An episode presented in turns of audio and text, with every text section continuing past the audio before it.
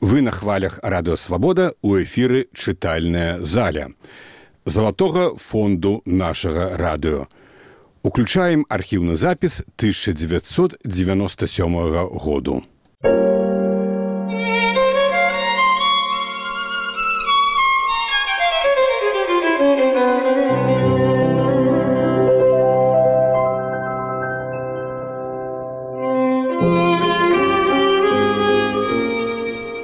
Андрей Мрый. Записки Самсона Самасуя. У чытальнай залі радыёвабода класічны літаратурны партрэт савецкага беларуса. Напісаны з натуры і ў часе самага зародку гэтага тыпу.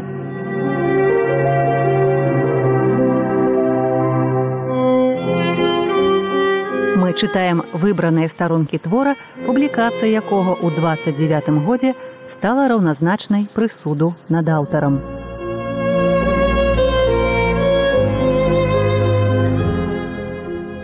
Каментары і ўспаміны пра Андрэя Мрыя і яго эпоху гучаць з вуснаў сучасніка, пісьменніка Сергея Грахоўскага. У ролі галоўнага героя сяржук сокалаў воюш.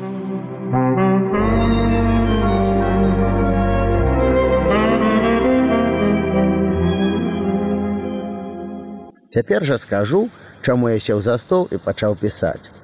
Яшчэ тры гады назад я неяк напісаў у газету корэспандэнцыю аб выбрыках старшыні кааператыву і прачытаў я асобе, якая для мяне даражэй за ўсё на свеце. І яна сказала мне: « Пішы, пішы, з цябе можа і выпішыцца што. Гэтыя словы як маланкай спалілі мяне. Як вар'ят хадзіў я па пакою і мармытаў сабе гэтыя словы: « Пішы, пішы, можа што і выпішацца.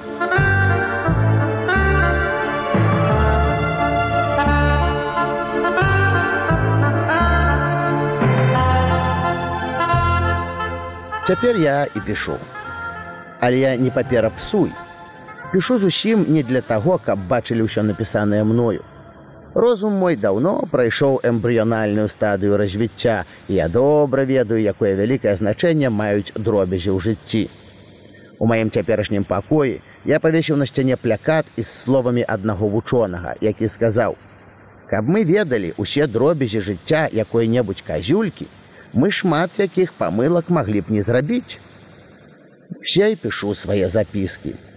У іх буду гаварыць аб дробязях свайго жыцця, як я з бацькам пасварыўся, як паехаў я шукаць свайго шчасця, як хацеў там пашырыць сваё фізычнае я і як з гэтага нічога не выйшла. Сам я не надаю ўсяму гэтаму вялікае значэння. У сусветныя маштабы не веру. Але мой сябра, настаўнік Мамон, который увесь час штурхае мяне на шлях славы, кажа мне як мефістофель.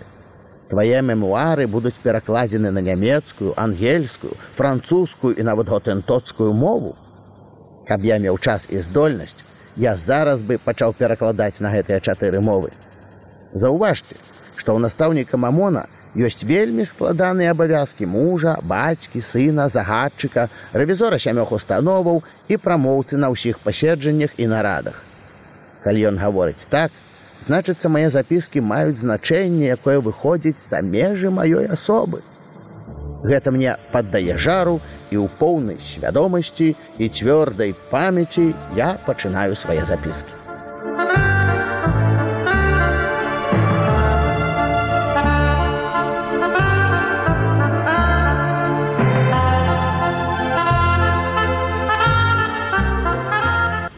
Перапынем нашага чытальніка на некалькі хвілінаў, каб паслухаць успаміны Сергея Грахоўскага.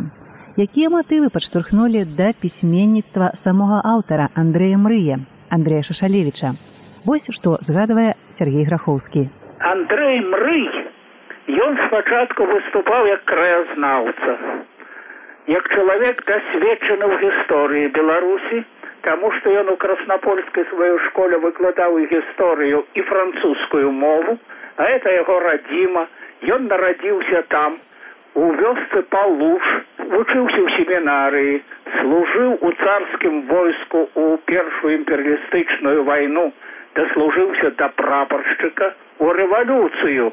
Ён пашоў адразу без ваганняў усякіх у чырвоную армію праслужыў до двадцать першего года прайшоў грамадзянскую вайну і як так сказаць абаронца савецкага ладу на сваёй радзіме вярнуўся у роднае э, краснаполле і там настаўнічаў.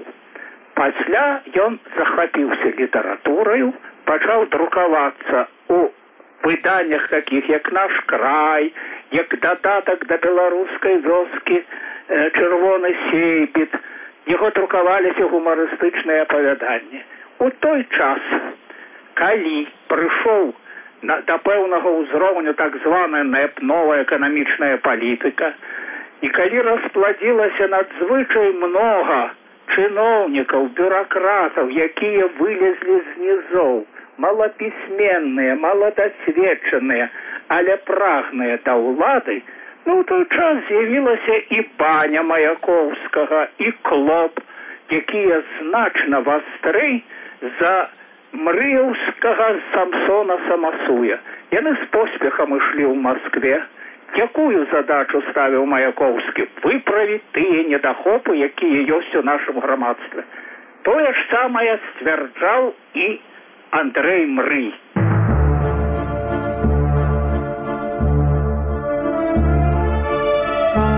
гучалі ўспаміны сергея грахоўскага. А зараз мы вяртаемся да старонак твора. Ты ж глядзі мой сынок гаварыла мне маці калі пасля доўгага беспрацоўя атрымаў я пасаду ў шапялёўскім выканкоме. Ты ўжо не хлапчук час падумаць на сябе ды аб нас старых. Жаніцца б табе ды супакойна гадаваць дзетак. І я з радасцю пачукала б тваіх дзетак глядзіш сынок хоць цяперак атрымайся каб зноў не ўкарацілі на гэтае матчынае выступленне я самаўпэўнена адказаў Я ведаю маці, як сябе трымаць. Ці людзей не бачыў, ці мне гэта ў першы раз. Маці сумна памахала галавою. Заўсёды сынок так кажаш, а як дадуць справу, дык фартэль і выкінеш. Ой, баюсь я за цябе. Па бацькавай вудалі пайшоў. Мой бацька, раўнадушна зірнуўшы на матку, пыхкаючы люлькай у нос прамармытаў: « Па маёй вудалі, Каб па маёй дык сядзеў бы на зямлі, а то свет аб'ездзіў усе гарады абнюхаў ды нідзе прыстану не знайшоў казаў і кажу лепш кінуў бы вандраваць ды ўзяўся б за зямлю я выйшаў на сярэдзіну хаты растапырыў ногі як крынджалы задраў нос уверх і прыплюснуўшы правае вока тэатральна запытаў у бацькі як жа? Буду колупацца ў пясочку вашым. Няхай троху пачакае. Якое тут жыццё? Бачыўшы цывілізацыю які разумны чалавек пачне рабіць гэтае калупайства ваша. Краты вы а не людзі. Які сэнс у вашай крацінай працы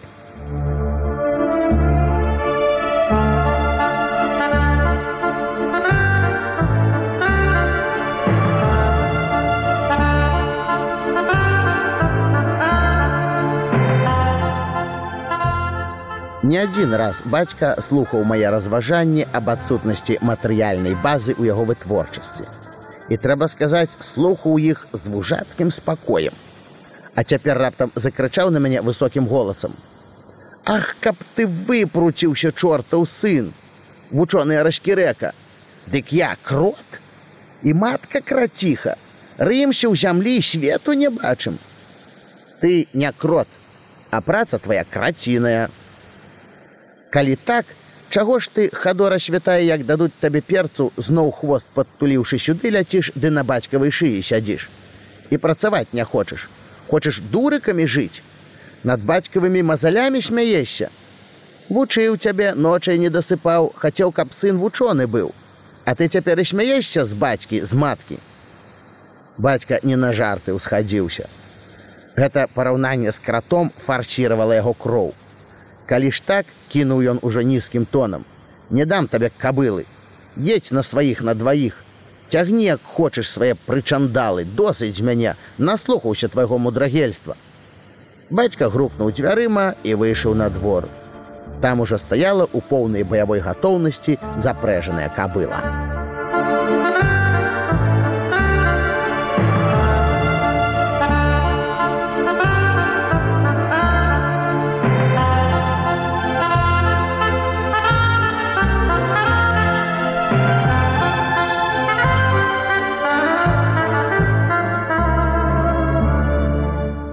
Бацька пачаў нервова распростваць яе, нешта злосна бубніў сабе пад нос, некалькі разоў абазваў ні ў чым нявіннае стварэнне шельмай гарбаносай.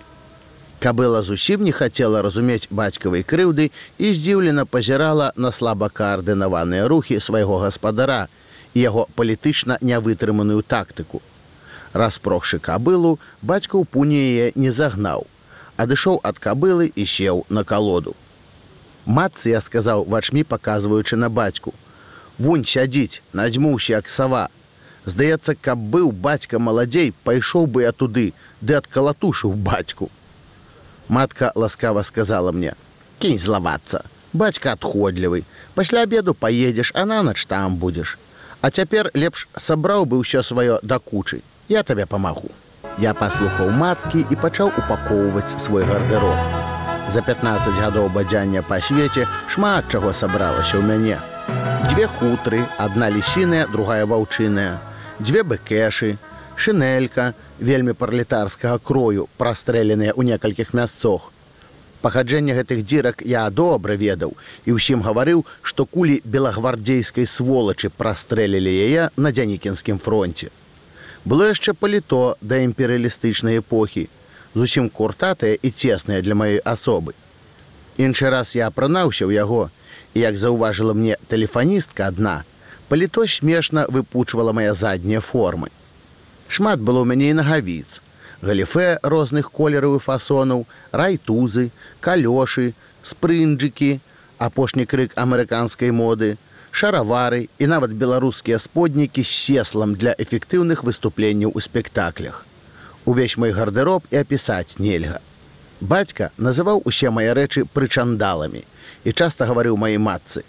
Тысячы паўтары можна было б скалаціць за гэта прычандалля. Але што ты зробіш сыну, калі ён носіцца з цацкамі ды хварэя на пана. А можна было б паправіць гаспадарку. Уся вопратка ляжала ў кучы і была перасыпана нафталінам. Матка, парадкуючы яе, увесь час чмыхала, круціла носам і бубніла. Каб табе праваліцца нячыстая сіла, не звыкнуся з гэтым смуродам і выдумаюць жа людзі.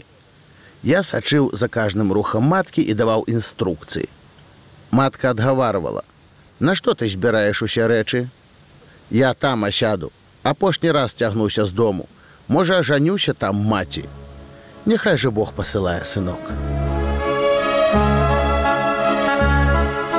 А цяпер перапынем нашага чытальніка і зададзімся пытаннем, што ж сябе ўяўлялі жыццёвыя прататыпы самсона самасуе.